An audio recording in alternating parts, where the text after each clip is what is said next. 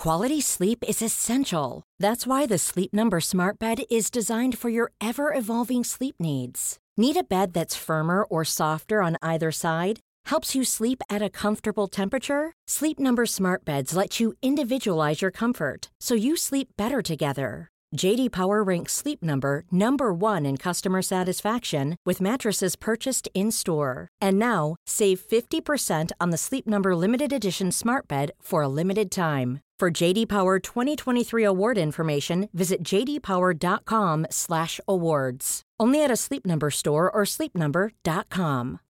Life is full of what ifs. Some awesome, like what if AI could fold your laundry? And some well, less awesome, like what if you have unexpected medical costs?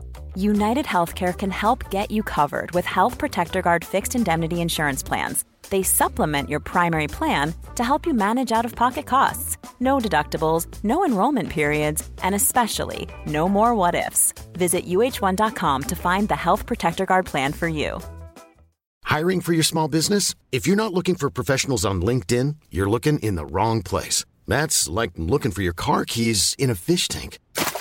LinkedIn helps you hire professionals you can't find anywhere else, even those who aren't actively searching for a new job but might be open to the perfect role. In a given month, over 70% of LinkedIn users don't even visit other leading job sites. So start looking in the right place. With LinkedIn, you can hire professionals like a professional. Post your free job on linkedin.com slash people today. När den tillträdande statsministern presenterade sina nya ministrar stod det klart först efteråt att socialministern, kristdemokraten Jakob Forssmed, blir den som ansvarar för idrottsfrågorna. Jakob Forssmed kommer ansvara särskilt för folkhälsa, idrott och civilsamhällesfrågor. I samband med regeringsskiftet efter höstens riksdagsval blev det klart att ansvaret för idrottsfrågor i Sverige flyttas till socialdepartementet Kristdemokraten Jakob Forssmed utsågs till socialminister med ansvar för folkhälsa, idrott och civilsamhälle.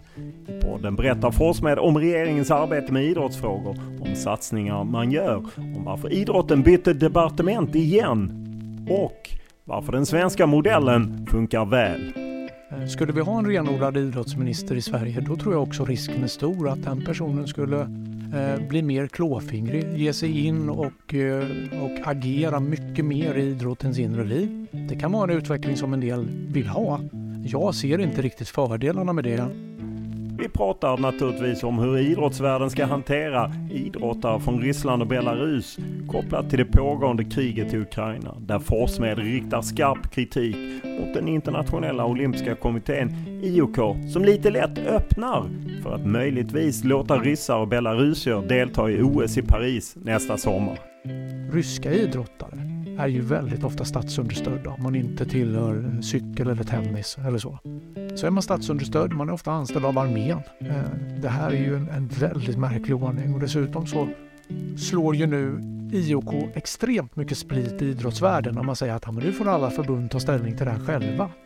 Vilka som ska få vara med i de här förtävlingarna och så liksom skickar man in då den här bomben överallt och skapar splittring. Det här är ju otroligt dåligt agerat av, av IOK. I en tid där sporttvätt är rikligt förekommande, politik är idrott och idrott är politik vare sig man vill eller ej, så talar vi om hur landslag, förbund och enskilda idrottare kan användas av auktoritära stater och diktaturer. Där Forssmed definitivt inte uppskattade Zlatan Ibrahimovic uttalande om att Qatar-VM var 10 poäng på många fronter. Jag ger Zlatan 10 poäng som fotbollsspelare och hans insatser för landslaget. Men jag är inte beredd att ge 10 poäng för hans uttalande om Qatar. Eh, jag skulle säga 0 poäng kanske. Ehm, och, och Henrik Stensson får naturligtvis fatta sina beslut. Men där, där i det fallet är det, det är en tråkig utveckling som vi ser. Att, att den här typen av eh, av agerande från, från auktoritära eh, stater med mycket pengar kan, kan orsaka också problem för idrotten.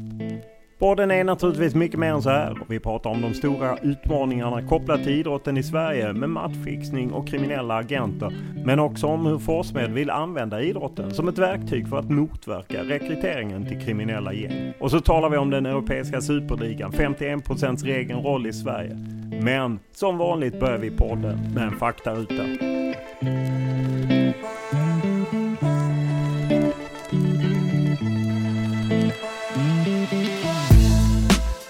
Ålder? Jag är född 1974. Jag vill helst inte tänka på vad det innebär i ålder. Bo? Sollentuna. Familj? Ja, jag har, har fru och tre barn. Utbildning? Utbildning i eh, statsvetenskap där jag har något som heter magisterexamen. Lön? Statsrådslön. Vad kör du? Ehm, Jag har en kolfiberracer som är gjord av Ridley i Belgien. Faktiskt också en gravel från Ridley. Och sen har jag en Nishiki som jag kör när jag behöver göra ärenden i Sollentuna. En ombyggd gammal racer som jag har byggt om till single speed. Men om du menar bil så har jag en konstig Renault som... Nej, Peugeot är det nog. Eh, Den är, eh, den är väldigt märklig. Eh, vad läser du? Just nu läser jag Knausgård. Vad tittar du på? Jag tittar mycket på serier från de här olika plattformarna. Eh, För tillfället, vad är det då? Somebody Somewhere, Succession. Ja, lite så. Vad lyssnar du på? Jag lyssnar eh, på, om du menar musik, så lyssnar jag på Katatonia om jag måste koncentrera mig. Eh, annars är Sufjan Stevens en, en stor favorit. Vad spelar du på?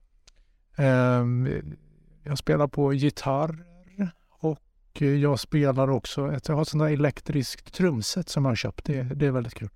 Vad skulle du klassa som den största upplevelse du har kopplat till fotboll?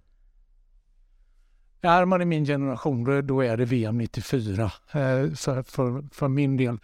Tillsammans med kvartsfinalen i VM 86 Brasilien-Frankrike. Sokrates kort ansats, sköt över och sen när målvakten fick bollen i ryggen om jag minns rätt och den gick in. Jag var 12 år tror jag då och vet precis var jag satt och såg den här matchen. Vilken är din största fotbollsmerit? Jag har inte så jättemycket meriter. Jag har inte spelat fotboll så mycket mer än någon termin här och där. Men jag spelade med kompisar i många år. Vi hyrde en plan, och, och, eller bokade en plan och spela. Och det, då blev jag i alla fall tillräckligt bra för att få vara med i skollaget när jag var utbytesstudent. Och då har jag avgjort ett derby. Och det var också lite publik på läktarna. Det var blött så man fick glida på knäna också. Det var ju ändå mäktigt. Vilket är ditt favoritlag och varför? Huskvarna FF, eh, fostrad in i detta av min far.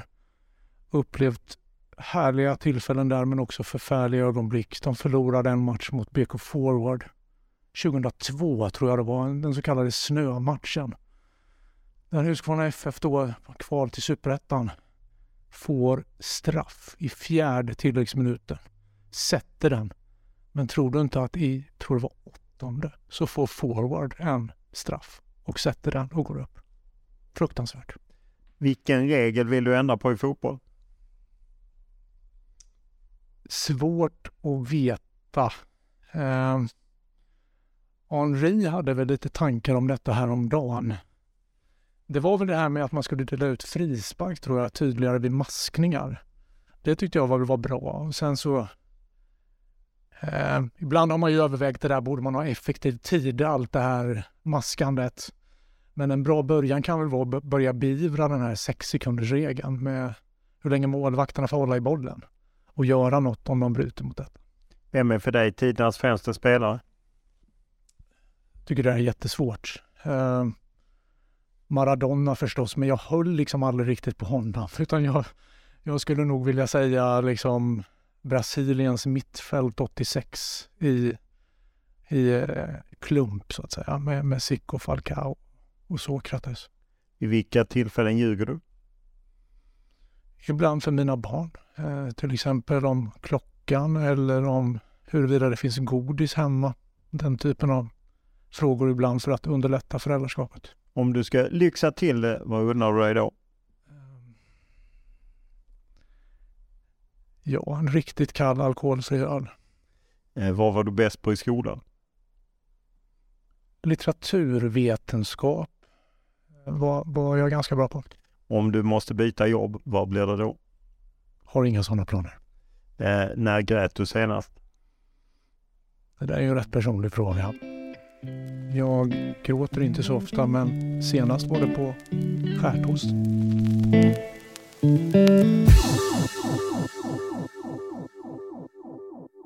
Du är ju eh, ja, inte idrottsminister för att du är socialminister med ansvar för idrott. Eh, var det du som anmälde intresset för att plocka in idrotten i socialdepartementet?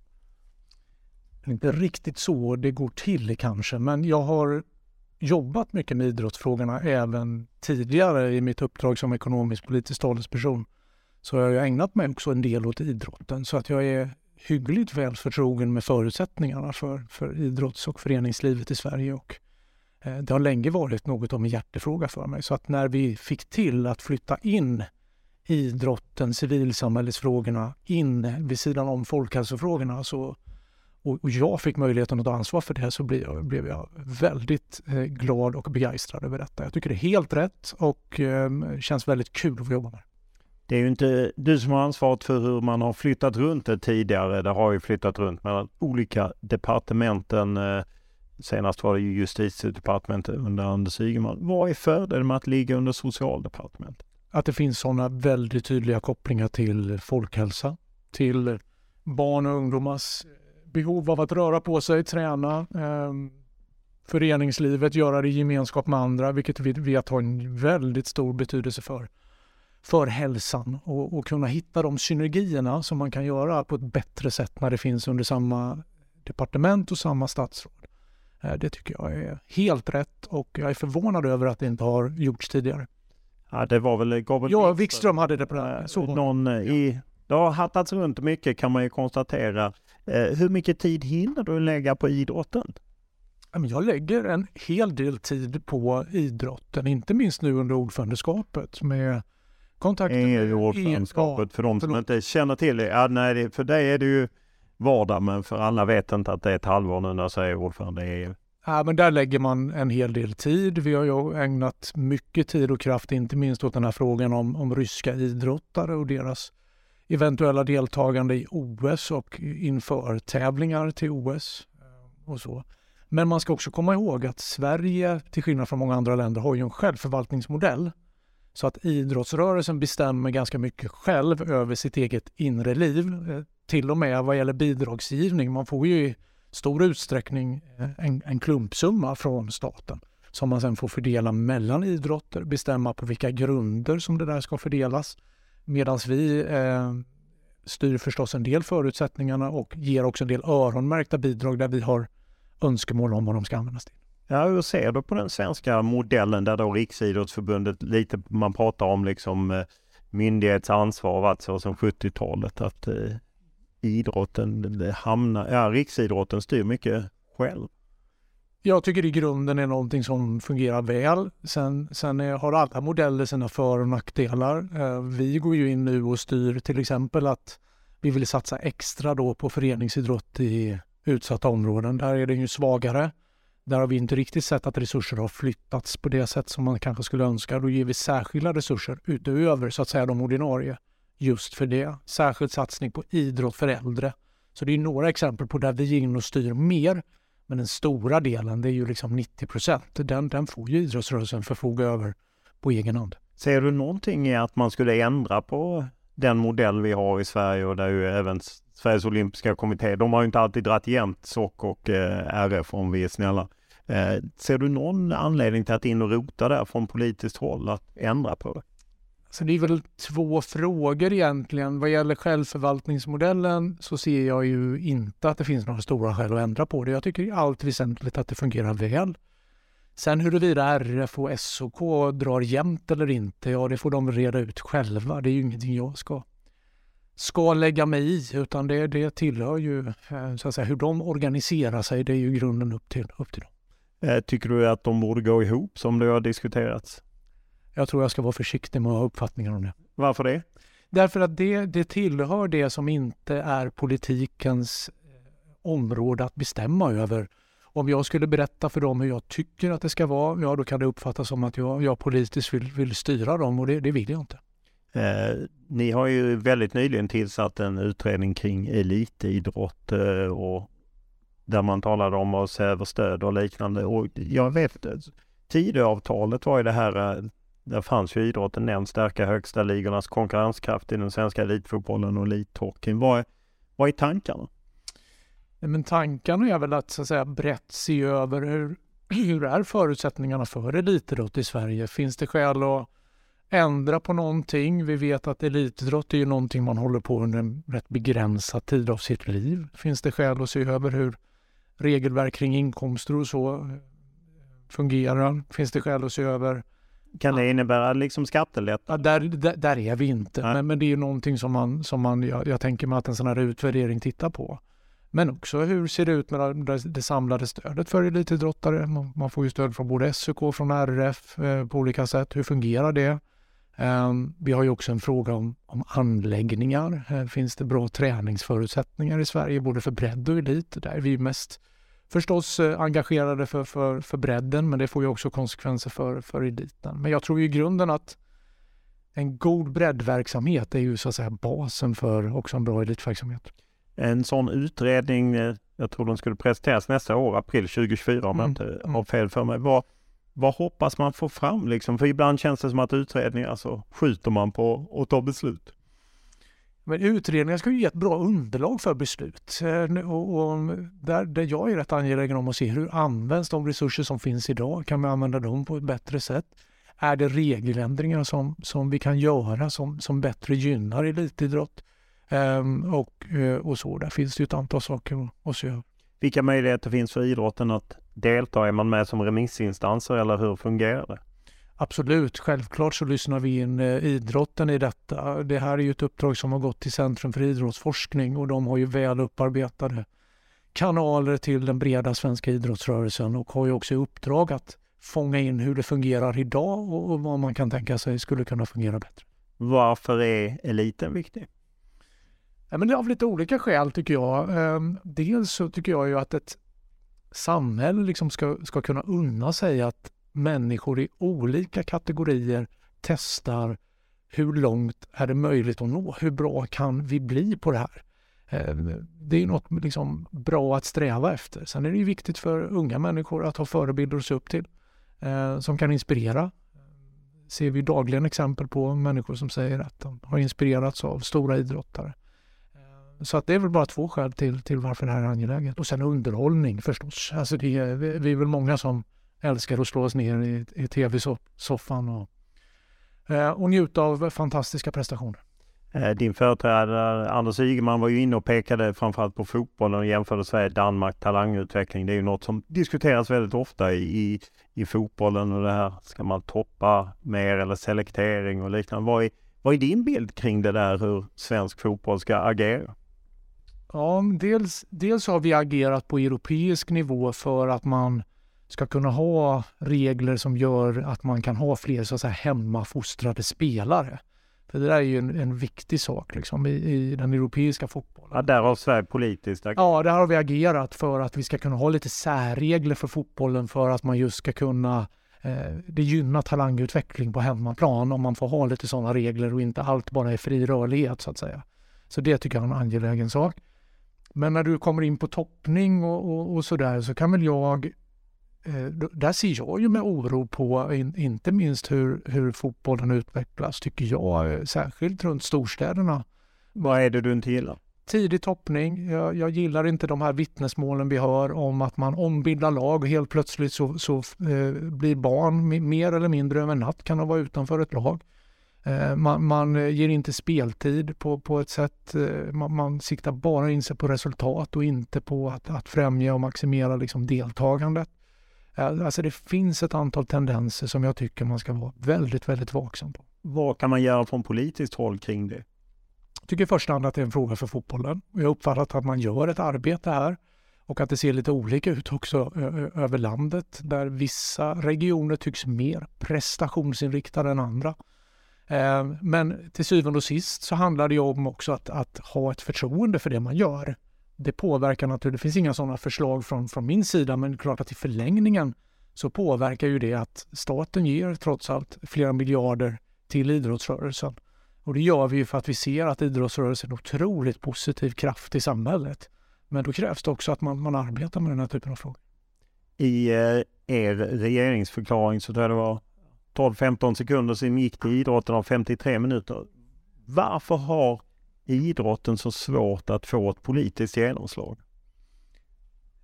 Dels så handlar det nog om att det inte alltid finns en jättetydlig konflikt kring idrotten. Och politiken drivs ju ofta av konflikter. Det som när det är stor politisk konflikt, det blir det stor uppmärksamhet kring. Men det finns ju ett stort intresse från den här regeringen kring idrottsfrågor. Vi kommer ju nästa år att eh, införa ett fritidskort som är något helt nytt i, i Sverige. Det är en av regeringens största reformer. Det kostar 800 miljoner per år och det syftar ju till att alla oavsett plånbok faktiskt ska kunna vara med eh, i idrottsrörelsen eller i annat föreningsliv. Att man får ett direkt stöd eh, som är större då om man finns i socioekonomiskt utsatta eh, hem för att man inte ska sluta med sin idrott när man upptäcker att det här konkurrerar med, med hushållskassan, med matkassan och så. Och det ser vi ju, att många slutar. De säger till mamma och pappa att jag slutar för att jag tycker det är tråkigt, men i själva verket har de ansvar för hushållsekonomin. Här gör vi ju nu en, en unik och eh, väldigt stor satsning på att fler barn ska få chansen till fotboll eller gymnastik eller eh, hockey eller vad det nu kan vara. Eh, återknyta lite till det jag pratade om i början med var idrotten ligger. För jag tror att det hade varit uteslutet att stryka en kulturminister och flytta runt kulturen så som man gjort med idrotten. Men man avfärdar ofta tanken på en id ren idrottsminister med att nej, men det är bättre att sitta nära makten och då kan man ju undra varför gör inte kulturen det? Uh, jag, jag, får liksom inte ihop ekvationen. För man hade aldrig strukit en kulturminister. Men en idrottsminister har vi nästan aldrig haft. Nej, vi har nästan aldrig haft en renodlad idrottsminister. Jag är idrottsminister. Jag tar de här frågorna på, på extremt stort allvar Eh, och är seriös i mitt arbete kring detta förstås. Men det man ska komma ihåg det är ju då att vi har den här självförvaltningsmodellen. Andra länder som har renodlade idrottsministrar, de är inte jättemånga i och för sig, men de finns ju. De har ju ofta ett stort idrottsdepartement som sköter då det som Riksidrottsförbundet sköter i Sverige. Eh, skulle vi ha en renodlad idrottsminister i Sverige då tror jag också risken är stor att den personen skulle eh, bli mer klåfingrig, ge sig in och, eh, och agera mycket mer i idrottens inre liv. Det kan vara en utveckling som en del vill ha. Jag ser inte riktigt fördelarna med det och därför så ser jag inte heller att en, en renodlad idrottsminister riktigt är relevant för Sverige på det sättet. Staten skjuter ju till eh, pengar till RF, det är väl knappt 2 miljarder plus de här specialsatsningarna, det är väl 100 miljoner som går till de här utsatta mm. områdena och idrott för äldre och så. Ändå hör man ju mycket från idrotten att de vill ha mer pengar och man kan tycka som lekman att idrotten gör så mycket bra. Är inte det välinvesterat pengar att man, man ger dem ännu mer pengar för att kanske bygga på folkhälsa och minska kriminalitet och alla sådana saker? Jag har inget emot att liksom principiellt att öka stödet till, till idrotten. Ehm, men just nu är vi i ett väldigt hårt pressat budgetläge för vi får inte så att säga elda på inflationen. Ehm, vi bibehåller alla stöden till, till eh, idrotten plus att vi lägger till då de här pengarna till äldres idrott och idrott i utsatta områden. Och sen gör vi då den här stora satsningen till barn så att fler barn och ungdomar ska kunna vara med. Och det där är ju väldigt angeläget för det kommer ju kunna leda till att fler, fler unga får chansen att hålla på med idrott. Just anläggningar var en viktig fråga inför valet och hur, hur, löser man den problematiken som ju skär igenom det svenska samhället med kommuner, stat, ja, ideella organisationer. Det är ju inte helt lätt och kanske kommersiella aktörer som ska bygga det. Men hur löser ni det? Det är inte helt lätt. I grunden är det ju en, eh, i första hand en kommunal fråga. Det är de som har planmonopolet som det heter. Det är de som bestämmer var anläggningar byggs. Eh, nu har det kommit ett, eh, precis en rapport från Centrum för idrottsforskning och också liksom ett förslag att man skapar en plattform.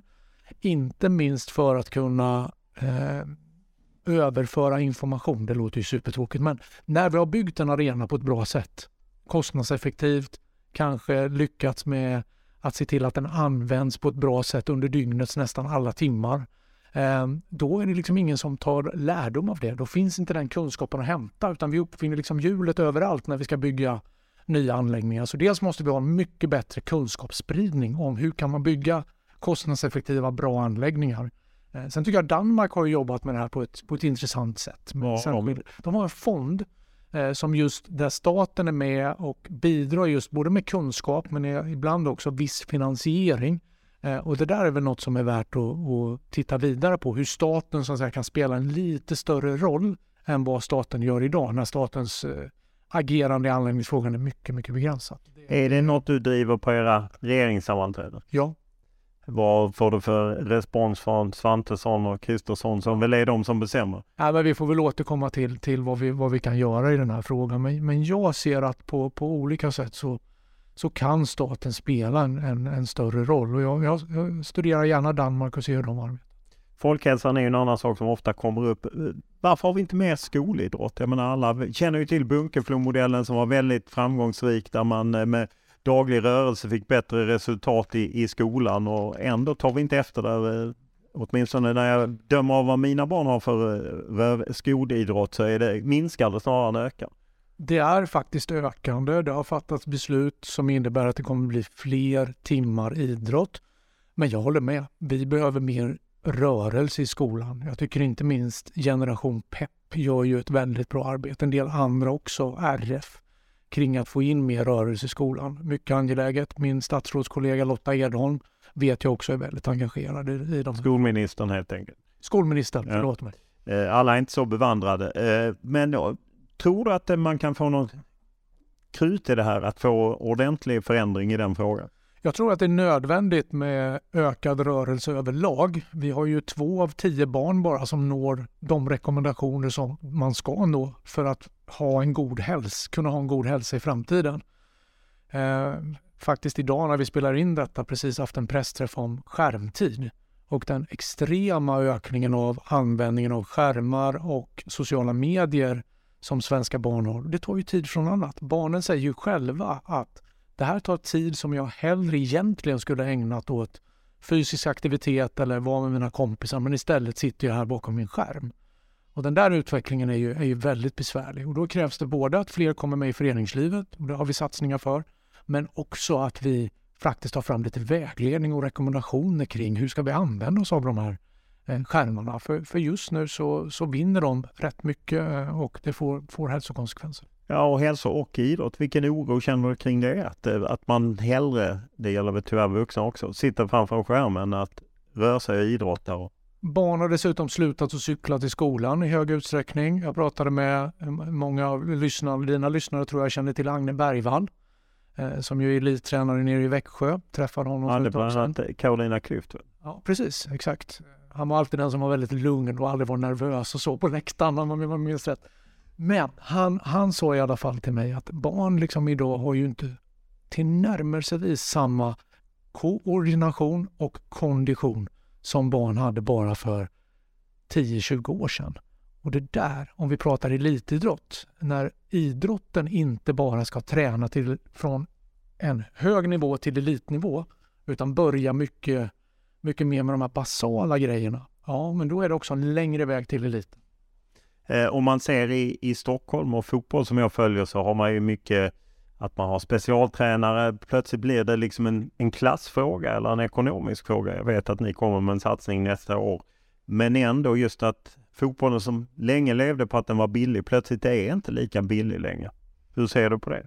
Nej, men det är ju en utveckling man måste vara vaksam inför. Alltså, eh, det, det, det är inte bra eh, att det är på det här sättet och jag tycker klubbarna har ett ansvar att se till att kostnader inte drar iväg. Se till att man skapar, eh, i den mån det är möjligt, skapa system där man också kan liksom byta grejer med varandra, man kan låna saker, man kan se till att, att fler får chansen. För det, det, det, är, det finns verkligen den här tendensen att vissa barn då säger, säger hemma nu vill jag sluta för att det är trist, men i själva verket så handlar det om att man börjar ta ansvar för, för familjens ekonomi och det, det, det är en väldigt tråkig utveckling. En mer eh, rent politisk fråga är ju det här med sponsring där det är svårare kring damidrott av skattemässiga skäl för avdragen är sämre på damsidan än herrsidan för man värderar det olika och jag tror att ni vill ha inför valet eh, KD alltså en ja, kön skulle inte spela någon roll kring det. Hur ser du på det? Jag är inte tillräckligt insatt i exakt hur skattereglerna fungerar men jag antar då att värdet av sponsring där det finns större publik eh, anses vara större och det finns väl alltid skäl att liksom se över och följa sådana här saker. Men en bra sak som hände för något år sedan var ju att den här reklamskatten i alla fall har tagits bort. Det har ju gynnat, gynnat föreningarna och sen, sen driver ju vi också från, från Kristdemokraternas sida, det är inte regeringens politik, men, men också att, att gåvor till föreningar eh, ska kunna ske så att säga med, med skattereduktion så att också fler privatpersoner enklare kan ge eh, till, till föreningslivet. Men ni får inte med de andra på det? Vi får väl vi får väl återkomma till det längre fram. Eh, det är ju många stora eller höga poster i idrotten som tillsatts i vår. Fredrik Reinfeldt blev ordförande för Svenska fotbollsförbundet. Eh, Hans von Utman fick Sveriges olympiska kommitté och ja, inom kort så väl, eller i slutet av maj så väljs ju Karl-Erik Nilsson. Han har knappt lägga av på fotbollsförbundet förrän han tar RF-posten. Vi får utgå från att han väljs. Han är valberedningens kandidat. De andra har faktiskt lagt ner sina kandidaturer. Hur ser du på att liksom Sverige 2023 tillsätter tre män på poster där det bara i princip suttit män? Inte fullt ut. RF har ju haft kvinnor också, Karin Mattsson bland annat. Men att det ändå är män som, och kanske lite äldre män. Karin Mattsson satt väl, lite, hon var väl tio år tror jag, eller någonting sånt. Ja, 30 var hon nog när hon valdes. Men, eh, ja, ja, men jag menar hon, hon, hon var ordförande i tio år. Ja, när, hon satt väldigt länge för RF. Nej, hon var inte tio år när hon Nej, valdes. nej, det, hade, det hade varit var- mäktigt i och för sig. Men jag har inga synpunkter på vilka personer de här väljer. Jag, jag, jag känner en av dem eh, ganska väl, nämligen Fredrik Reinfeldt. Vi har jobbat ihop tidigare. Han är en utomordentlig person, omdömesgill. Men ser du inte Så att jag har att det inte blir, jag menar noll kvinnliga ordförande för fotbollsförbundet, eh, Sveriges olympiska kommitté, också haft ordförande, men du ser inget med problem kring det? Jag ser ju allmänt så att säga att ibland i idrottsvärlden är det väldigt mansdominerat. Det är att snö. reflektera över. Inte minst internationellt kan det ju vara eh, rätt, eh, synnerligen anmärkningsvärt. Eh, men i, klart i fotbollen det är, rätt, det är rätt mansdominerat överlag. Det är inte konstigt att det är den högsta ledningen att det blir mycket män. Um, eh, och, och i RFs fall så, så kan jag inte svara på säga, de exakta grunderna till varför, varför just Karl-Erik ser ut att bli vald. Men, men jag har inga, inga synpunkter på vem, vem de här väljer. Kollar man styrelser så är det ju bättre med kvinnor eftersom RF har haft ett, liksom, en slags kvotering får man ju säga att man har ju slagit fast att, att specialförbund och liknande ska, det kön som är minst representerat ska minst ha 40 procent och att det har haft effekt. Men däremot så brister man i mångfald. Det är, jag menar, styrelserna speglar inte hur Sverige ser ut 2023. Hur ser du på det? Det är klart att det är en brist. Eh, och inte minst så ser vi ju också att föreningsidrott i områden där, där det bor väldigt många personer med utländsk bakgrund i Sverige, eh, där är den svagare. Och där gör vi nu en särskild satsning på detta. Förhoppningsvis innebär det också mer ledarrekryteringar från de områdena och det kan förhoppningsvis också spela roll för, för ökad mångfald också på ännu mer ledande positioner så småningom i förbunden. Om man kvoterade könsmässigt, hur ser du på att kvotera för att få en bättre mångfald? Jag, jag, vill, jag vill inte gå in och styra hur, hur de olika förbunden och organisationerna väljer sina styrelser.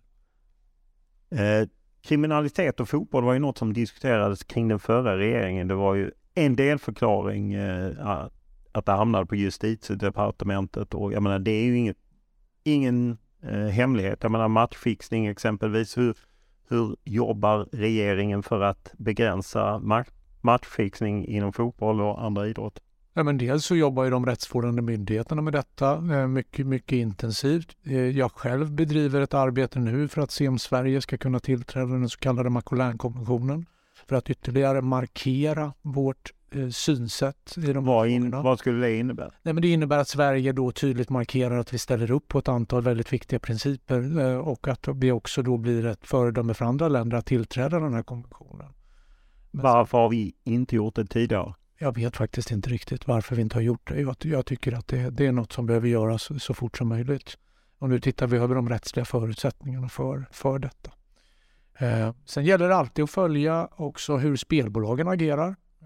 Vilken typ av spel eh, har vi? På vilken typ av matcher?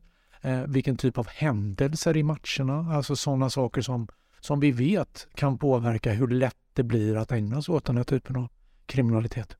Just eh, spel och, och spelbolag, att eh, det skedde ju en omreglering på marknaden 2019 och, och en hel del tog licens här. Men marknaden utanför de licensierade har ju vuxit. Hur, hur kan man komma åt den? Kan man liksom blocka IP-nummer och liknande för att spärra dem? Regeringen har precis faktiskt tagit ett sådant initiativ. Det är min kollega då finansmarknadsminister Niklas Wykman som är ansvarig för, för spelregleringen, han har ju eh, lanserat ett antal förslag, inte minst för att göra det svårare för de här icke-licensierade spelbolagen. Hur ser du på att staten tjänar ju också pengar? Jag menar Svenska Spel langar ju upp ett antal miljarder i, i statskassan och, och, och visst sponsrar en hel del idrott också. Men hur ser du på att ni är en aktör i det här? Ja, det där kan man alltid fundera på eh, vad som är bäst. Men, men min analys hittills har ju varit att, att Svenska Spel agerar eh, ofta eh, något bättre än andra bolag på den här, på den här marknaden. Så jag ser inte skäl att, att förändra det i nuläget.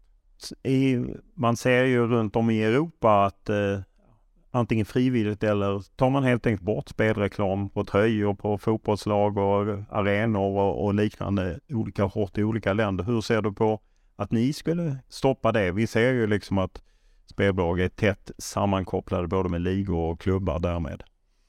Vi har inga sådana sådana förslag, eh, men däremot ser jag att man måste följa den här utvecklingen. Vi har ju haft eh, Ja, det finns ju förfärliga exempel på hur de här bolagen arbetar.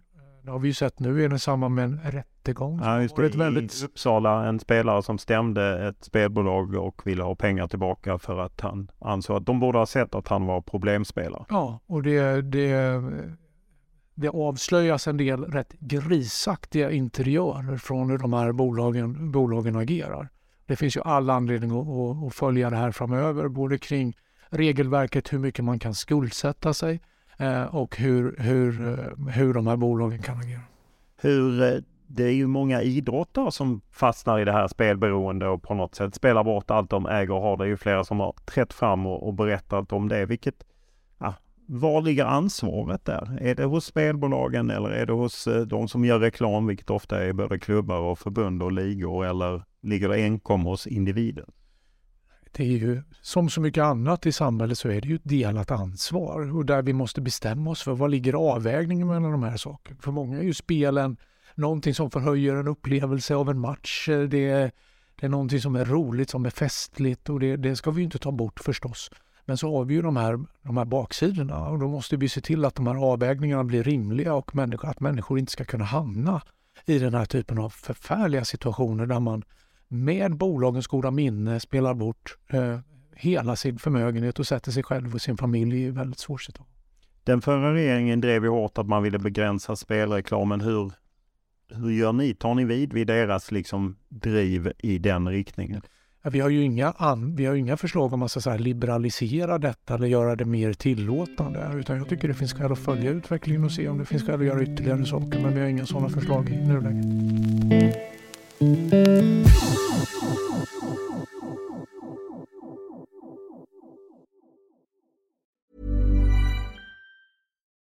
Millions of people have lost weight with personalized plans from Noom, like Evan, who can't stand salads and still lost 50 pounds. Salads, generally, for most people, are the easy button, right? For me, that wasn't an option. I never really was a salad guy. That's just not who I am.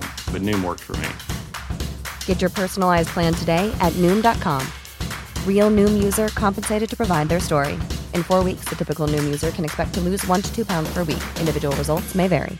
A lot can happen in three years, like a chatbot may be your new best friend. But what won't change? Needing health insurance. United Healthcare Tri Term Medical Plans, underwritten by Golden Rule Insurance Company, offer flexible, budget friendly coverage that lasts nearly three years in some states. Learn more at uh1.com. Quality sleep is essential. That's why the Sleep Number Smart Bed is designed for your ever evolving sleep needs. Need a bed that's firmer or softer on either side? Helps you sleep at a comfortable temperature? Sleep Number smart beds let you individualize your comfort so you sleep better together. JD Power ranks Sleep Number number 1 in customer satisfaction with mattresses purchased in-store. And now, save 50% on the Sleep Number limited edition smart bed for a limited time. For JD Power 2023 award information, visit jdpower.com/awards. Only at a Sleep Number store or sleepnumber.com.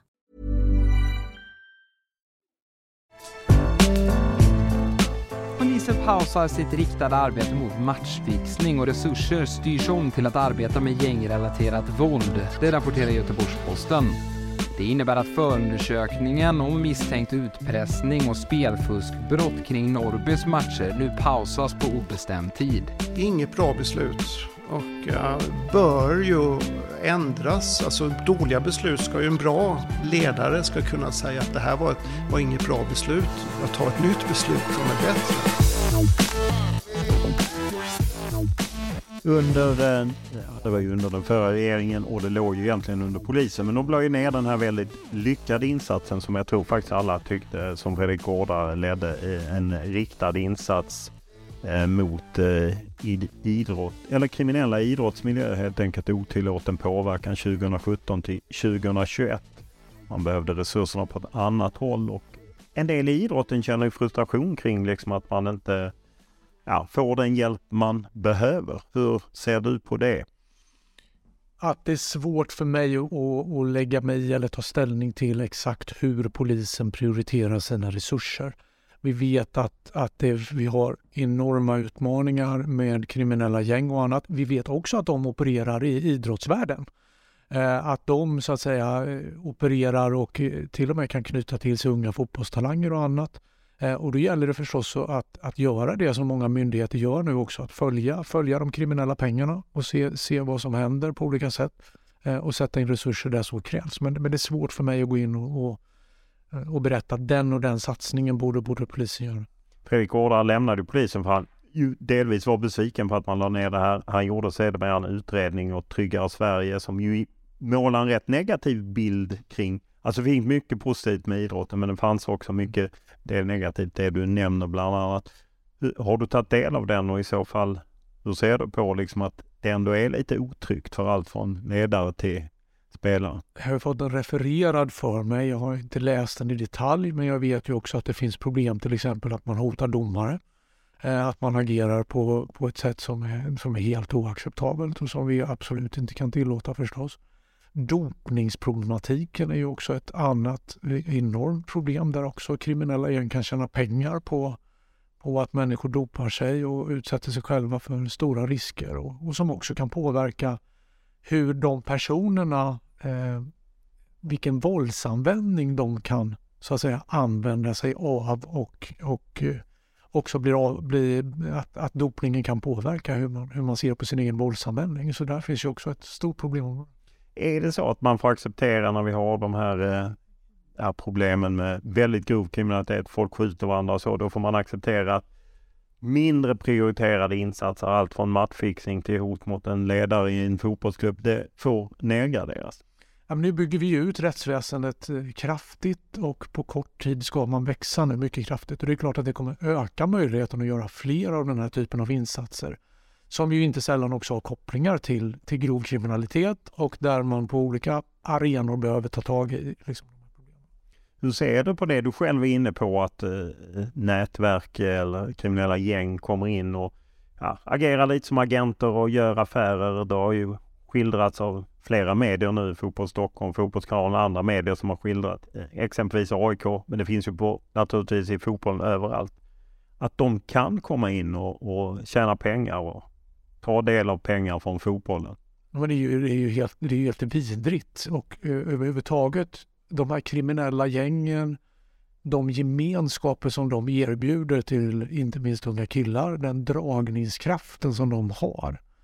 Eh, men det är ju något som vi måste motverka med kraft och då måste vi skapa liksom alternativa, goda gemenskaper där, där barn kommer in i sammanhang med närvarande vuxna som vill dem väl.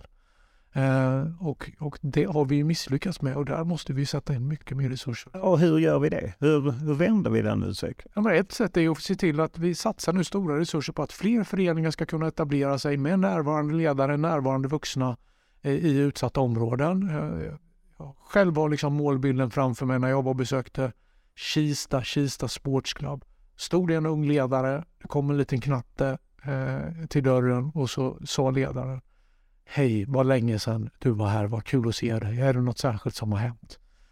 Han blev efterfrågad, den knatten. Han blev sänd.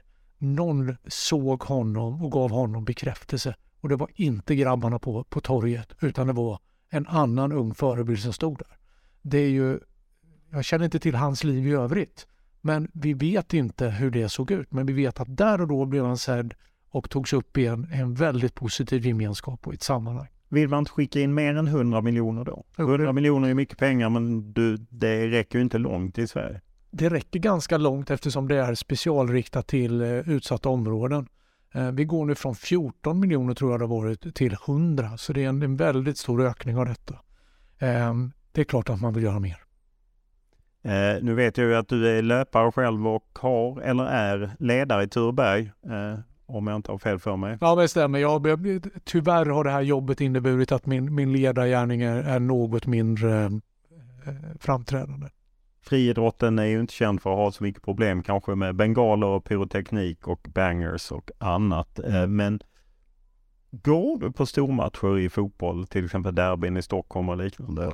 Det var, det var ganska länge sedan. Jag, jag var på, på Sveriges landskamp, den senaste tävlingslandskampen, näst senaste tävlingslandskampen. Belgien helt enkelt, 0-3. Precis, och jag, jag, minns att en, jag ska inte säga vem i, i fotbollförbundet som jag träffade innan matchen sa när hon såg, hon sa att det var hen, det kan ha varit en han också, hen, sa när matchelvan kom, kom fram där, Lukaku han är slut, fattar inte hur de kan ställa upp med honom. Ja. Gjorde han alla tre målen.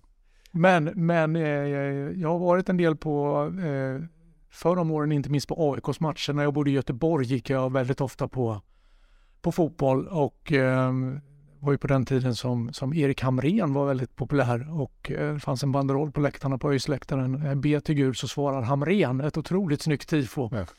Um, och så. Men, men det är ju, jag uppskattar verkligen läktarkultur. Jag tycker det är fantastiskt. Jag är uppvuxen i Rosenlundshallen eh, i Jönköping med en fantastisk läktarkultur kring hockeyn. Ståplats. Eh, jag minns ju de enorma protesterna när man minskade ner ståplats och flyttade upp till ett hörn någonstans. Det blev ju eh, de fansen som hade ställt upp i vått och torrt för klubben och gjort liksom detta skulle förpassas upp för att liksom det skulle, sittplats skulle breda ut sig och slipsar och skjortor och, och, och detta. Och, eh, jag förstår precis den känslan. Hur ser du på den eh, konflikt som emellanåt är? Det var ju villkorstrappan, sen har ju polisen backat från kollektiv bestraffning, eh, kanske mer dialog. Men hur ser du på den, ja, en evig strid så att säga som pågår nästan kring fotbolls, eh, fotbollens läktare? Att vi behöver ju läktarkultur, vi behöver ju de här fansen. De skapar ju en enorm inramning kring, eh, kring fotbollen. Men slår det över i våld, slår det över i risker, ja då kommer också de eh, barnfamiljerna, eh, barnen inte kunna gå på fotboll. Eh, jag har själv sådana exempel när min egen son stötte på vuxna män som, som beter sig väldigt, väldigt illa och blev väldigt rädd av detta. Och, eh, Vad hände med son? Nej, han blev väldigt rädd. Det var utanför arenan i en, i en sån här tunnel och eh, det, det, är inte så kul när, när vuxna män inte kan bete sig runt fotboll. Um, det... Slutade han gå? Han har inte gått sedan dess. Vilket match var det han var och såg? Jag minns inte, men, men det, var, det var ett Stockholmslag i alla fall. Eh, vad kan man göra från politiskt håll? Kan man göra? Eh, polisen, klubbarna, supportrarna, de, de eh, ska naturligtvis föra dialog med varandra för att skapa bra förutsättningar. Vi behöver ju se till att de här tillträdesförbudslagarna fungerar på ett bra sätt så att man, man kan porta de som verkligen missköter sig från arenorna förstås. Eh, men det är inte alltid bara på arenorna, ibland är det ju runt omkring då på olika sätt. Men, men alla behöver ta, ta ansvar för detta. Dialog är alltid bra eh, så att man inte liksom missförstår varandra. Vad jag förstår så sker, eh, är det ju bättre nu än tidigare. Du nämnde att Sverige är ordförandeland i EU, att ni pratar om vissa saker kring idrott har en sån sak som superligan och den liksom process som eh, några klubbar som är kvar från den havererade superligan, de driver ju Europadomstolen eller EU-domstolen eh, att de vill på något sätt eh, att Uefa är ett monopol. Och har ni politiskt varit involverade i den diskussionen? Inte på det sättet, men däremot så hade vi en dialog med, med Uefa när, vi hade vårt, när jag var med på mötet senast i, förra årsskiftet eh, diskussion med dem kring, kring just mänskliga rättigheter, stora idrottsevenemang och så. Eh, och eh, det är viktigt att ha den dialogen men, men i grunden så värnar ju de flesta länder så att säga, föreningsmodellen och, eh, och en, en, en, annan syn på liksom hur, hur fotboll bedrivs snarare än superligan. Eh, och 51% regeln eh, ibland görs ju den till en höger-vänster-fråga. Eh, hur ser ni på 51% regeln? Vill ni ha in eh, att eh, ja, riskkapitalister eller andra ska kunna komma in och köpa HV71 eller AIK? Inte om inte så att säga, en samlad idrottsrörelse kommer och begär detta av oss. Och, och jag har ingen anledning att överpröva idrottens syn på detta som jag uppfattar att det ska, vi ska ha kvar den här regeln. Eh, och det verkar ju allt väsentligt fungera väl och som jag uppfattade det, det var ju en lite annan diskussion kanske för 10-15 år sedan men idag uppfattar jag inte att det finns någon omfattande aptit på detta. Eh, fansen verkar ju helt ointresserade av, av, av det här och de spelar ju trots allt en rätt viktig roll för att klubbarna ska, ska må bra. Ja, de är tydliga motståndare. Eh, du nämnde mänskliga rättigheter och vi hade ju 2022 med ett VM i Qatar och ett OS i Kina och innan dess har vi haft eh, många mästerskap i Ryssland, Azerbajdzjan och andra så. Vad tycker du att, hur ska svensk idrott agera när stora mästerskap hamnar där? Det blir ju ändå en diskussion, ska man bojkotta eller inte eller? Jag tycker det är svårt det här med att vi inte ska skicka svenska idrottare. Det är i grunden en fråga för idrotten själv. Det kommer liksom inte regeringen eh, säga till idrotten hur de ska agera. Men, men det är svårt det här med att idrottare inte ska åka och så. Ehm, däremot tycker jag att man ska alltid överväga, ska vi skicka representation? Ska vi liksom bevärdiga mästerskapet med, med officiell representation eller inte. Jag tycker man ska höja sina röster mot eh, direkta övergrepp som sker. Det är ju helt förfärligt när ett mästerskap inte bara placeras i en diktatur utan dessutom mästerskapet i sig bidrar till ökat förtryck av journalister eller hbtqi-personer eller eh, gästarbetare eller vad det nu kan vara. Eh, det, det är ju förfärligt och, eh, och då, då blir ju idrott allt annat än, för det ju inte något gott med sig. Eh, om man eh, ser till att Sverige och herrlandslaget har ju ofta åkt till Abu Dhabi och Qatar och får träningsspelare. Det är ju någonting annat, det är ju frivilligt. Hur, hur ser du på att man åker till sådana regimer och gör eh, vissa uppgörelser med dem för att åka dit naturligtvis? Jag vill inte säga exakt var man ska åka och inte, men jag tycker att alla idrottsförbund ska vara mycket vaksamma och noggranna så att man inte själv blir ett redskap i en diktaturs händer. Så att man inte bidrar till att liksom, tvätta regimers byk eh, lite vitare. Eh, det bör man vara vaksam på och kanske har det funnits en naivitet inför detta eh, inom både svensk och internationell idrottsrörelse. Men varför kan man inte säga, eller du säga liksom att åk inte dit, det är mitt råd? Var väldigt varsam med att åka till, till platser där man kan bli, an, eh, där man kan bli använd i, i diktaturer och auktoritära regimers eh, propaganda. Eh, så det är mitt råd. Ja, om man ser tio år tillbaka i tiden så pratade vi knappt om de här frågorna. Nu pratar vi mer om dem. Hur ser du på den utvecklingen? Det är bra. Vi behöver ju vara, vara mycket vaksamma inför detta och vi vet också att en del länder använder det här på ett mer systematiskt sätt än vad man kanske har gjort tidigare. Eh, säkert för att det fungerar, delvis. Eh, och därför så behöver vi också motkrafter mot detta. Ehm, eh, och, ja, eh, och vi måste också naturligtvis ha evenemang som är möjliga att arrangera i andra länder än, än i diktaturer. Där sker det väl en liten positiv utveckling, att, att man försöker få arrangemang som, som eh, inte kräver hur mycket nya arenor som helst, orimliga ekonomiska åtaganden, sånt som liksom egentligen bara diktaturer kan producera. Ja, för att det, det är ju lätt för folk i demokratier att vara kritiska mot diktaturer, men då måste man ju ta ansvar och eh, ordna evenemang. Vad talar för att Sverige till slut bärgar hem vinter-OS 2030 som man ju fått eh, ett erbjudande om någon slags bakväg av IOK som har svårt att hitta någon som vill arrangera eh, OS 2030? Vi får väl återkomma till den frågan. Nu pågår ju ett arbete när man liksom genomlyser förutsättningarna för detta eh, ordentligt. Men vad är din, du måste ju ändå ha någon initial känsla, för man kan inte återkomma till allt, utan ja. vad... Man kan återkomma till en hel del saker eh, och, och, det är klart att det som i grunden så, så är det ju bra att IOK ändrar så att säga lite förutsättningarna för detta. Det gör ju det möjligt för fler länder att arrangera när man ska göra spelen lite mer low key, att det inte krävs liksom en extrem lokalisering, att alla arenor ska finnas på samma ställe. eh, och sådana saker. Så att det öppnar ju dörren för fler, det tycker jag. Hur öppna är denna regering för att faktiskt ja, satsa statliga medel och kanske garantier och liknande som ju har varit ett problem tidigare? Vi vet inte vad det skulle innebära och därför är det också liksom för tidigt att svara på den frågan. Den kan ju bli aktuell först när man har från, från RF och SOK sida liksom gjort de här, de här genomgångarna av vad det här skulle innebära för Sverige. Så att det går inte att svara på nu. Frågan om ryska och belarusiska idrottares eventuella medverkan i OS i Paris nästa år engagerar människor, nationer och organisationer på många olika håll.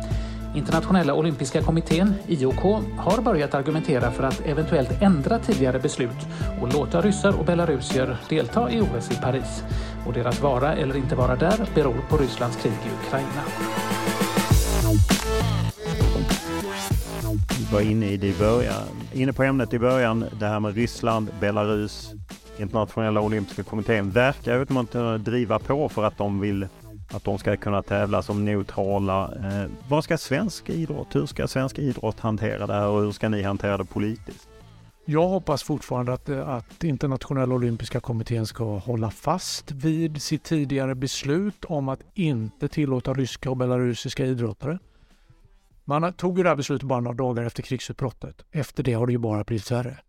Det är ju flera hundra ukrainska elitidrottare som alltså har dödats. Deras tränare har dödats. Deras idrottsanläggning har bombats sönder.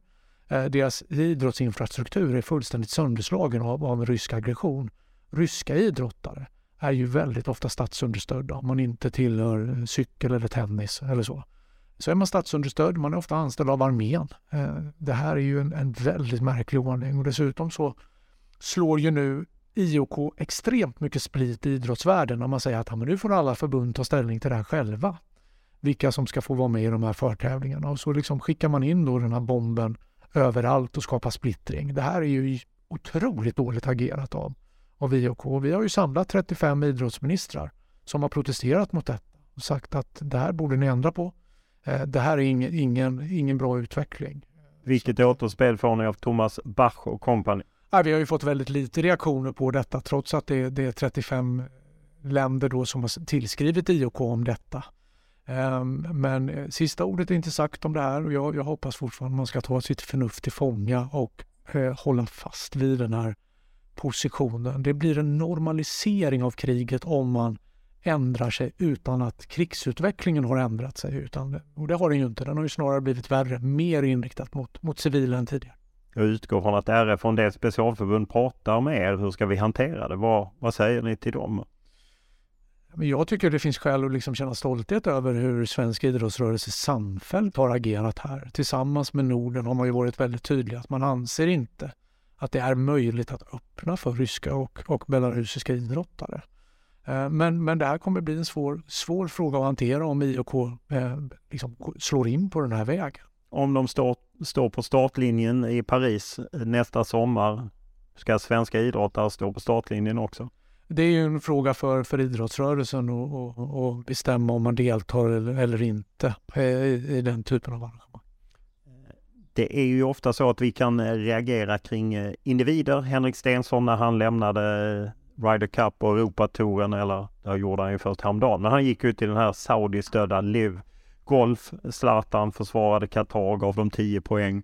Det blev ett väldigt eh, liv kring det. Hur, hur ser du på att svenska idrottare tar ställning som kanske inte går i linje med hur deras förbund gör och deras, jag menar Golfförbundet bröt med Stensson och fotbollsförbundet har ju varit tydligare i sin syn på Qatar än Zlatan. Hur ser du på att individer går ett håll och förbundet annat? Ja, alla, alla individer får, får naturligtvis uttrycka sin uppfattning. Jag ger Zlatan 10 poäng som fotbollsspelare och hans insatser för landslaget. Men jag är inte beredd att ge 10 poäng för hans uttalande om Qatar. Hur många poäng? Jag skulle, jag skulle säga noll poäng kanske. Um, och, och Henrik Stensson får naturligtvis fatta sina beslut. Men där, där i det fallet är det väl det är en tråkig utveckling som vi ser. Att, att den här typen av, eh, av agerande från, från auktoritära eh, stater med mycket pengar kan, kan orsaka också problem har svensk idrott misslyckats lite när man, deras företrädare som ju är förebilder och allt annat, när de inte står upp för samma värderingar? Men alla får naturligtvis göra sina egna uttalanden ha sina egna uppfattningar om saker och ting. Och, och eh, jag vill inte värdera det ytterligare. Eh, vad ger du för poäng till oss som nation eh, som handlar med Qatar, säljer vapen till Qatar, handlar med Saudiarabien. Eh, jag, menar, jag tror att Wallenberg har tjänat mycket, mycket mer och Sverige som samhälle tjänat mycket, mycket mer än Stensson på Saudiarabien. Vad får vi för poäng? Nej, men det, är, det är alltid en avvägning mellan hur man ska förhålla sig till saker. Handel är ju viktigt. Handel mellan länder är, är väldigt angeläget och viktigt förstås. Är det viktigare Alltså det är okej okay att de kör hårt med migrantarbetare när vi handlar med dem. Ungefär som att Tyskland kritiserar att de inte fick ha en armbindel. Men sen slöt de ett 15-årigt gasavtal med Qatar. Största energiavtal Tyskland någonsin slutit. Är det okej okay när far super ungefär? Vi lever i en, i en trasig och besvärlig värld. Det, det är svåra avvägningar som behöver göras. I det fallet så handlar det till exempel om att Europa inte kan vara beroende av rysk gas. En diktatur till en annan. Det är en diktatur som bedriver ett mycket omfattande aggressionskrig mot Ukraina där varje krona in i den ryska, eh, ryska staten är, blir en krona in i ett krigsmaskineri. Eh, så det är klart att det finns grader även i helvetet. Men Saudi och Förenade Arabemiraten krigar ju i Jemen. Även om det just nu är vapenvila så är det ju väldigt väldokumenterat att de är där på regimens sida och vi säljer vapen till Förenade Arabemiraten. Ja, det är jag känner inte till exakt vilka vapenförsäljningar som har ägt rum till, till Förenade Arabemiraten på senare år.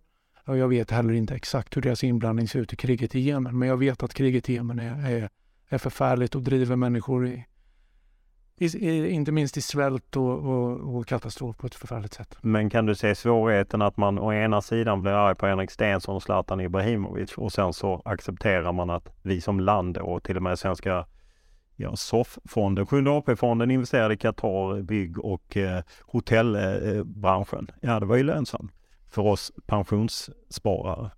AP-fonderna har ju etiska riktlinjer som man ska förhålla sig till och så får man väl följa upp då eh, och utvärdera huruvida de håller sig till de, de riktlinjerna. Och de ska ju ägna sig åt hållbara placeringar på olika sätt. Ja, vi får väl se hur många poäng vi får helt enkelt. Eh, stort tack för att du ställde upp. Tack så mycket. Podden är producerad av Max Richner och klippt av Daniel Eriksson och eh, vi tar tacksamt emot eventuella synpunkter, önskemål, kritik, beröm, ja vad det nu må vara. Enklast är alltid att mejla mig olof.lund tv4.se eller skriva till mig eh, på Instagram eller Twitter. Då är det Olof Lund som gäller i ett år. Stort tack för den här veckan!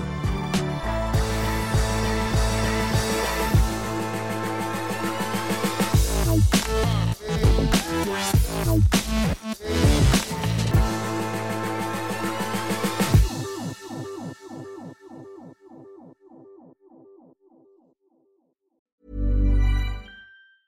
Mom deserves the best, and there's no better place to shop for Mother's Day than Whole Foods Market. They're your destination for unbeatable savings, from premium gifts to show-stopping flowers and irresistible desserts. Start by saving 33% with Prime on all body care and candles. Then get a 15-stem bunch of tulips for just $9.99 each with Prime. Round out Mom's menu with festive rosé, irresistible berry chantilly cake, and more special treats. Come celebrate Mother's Day at Whole Foods Market.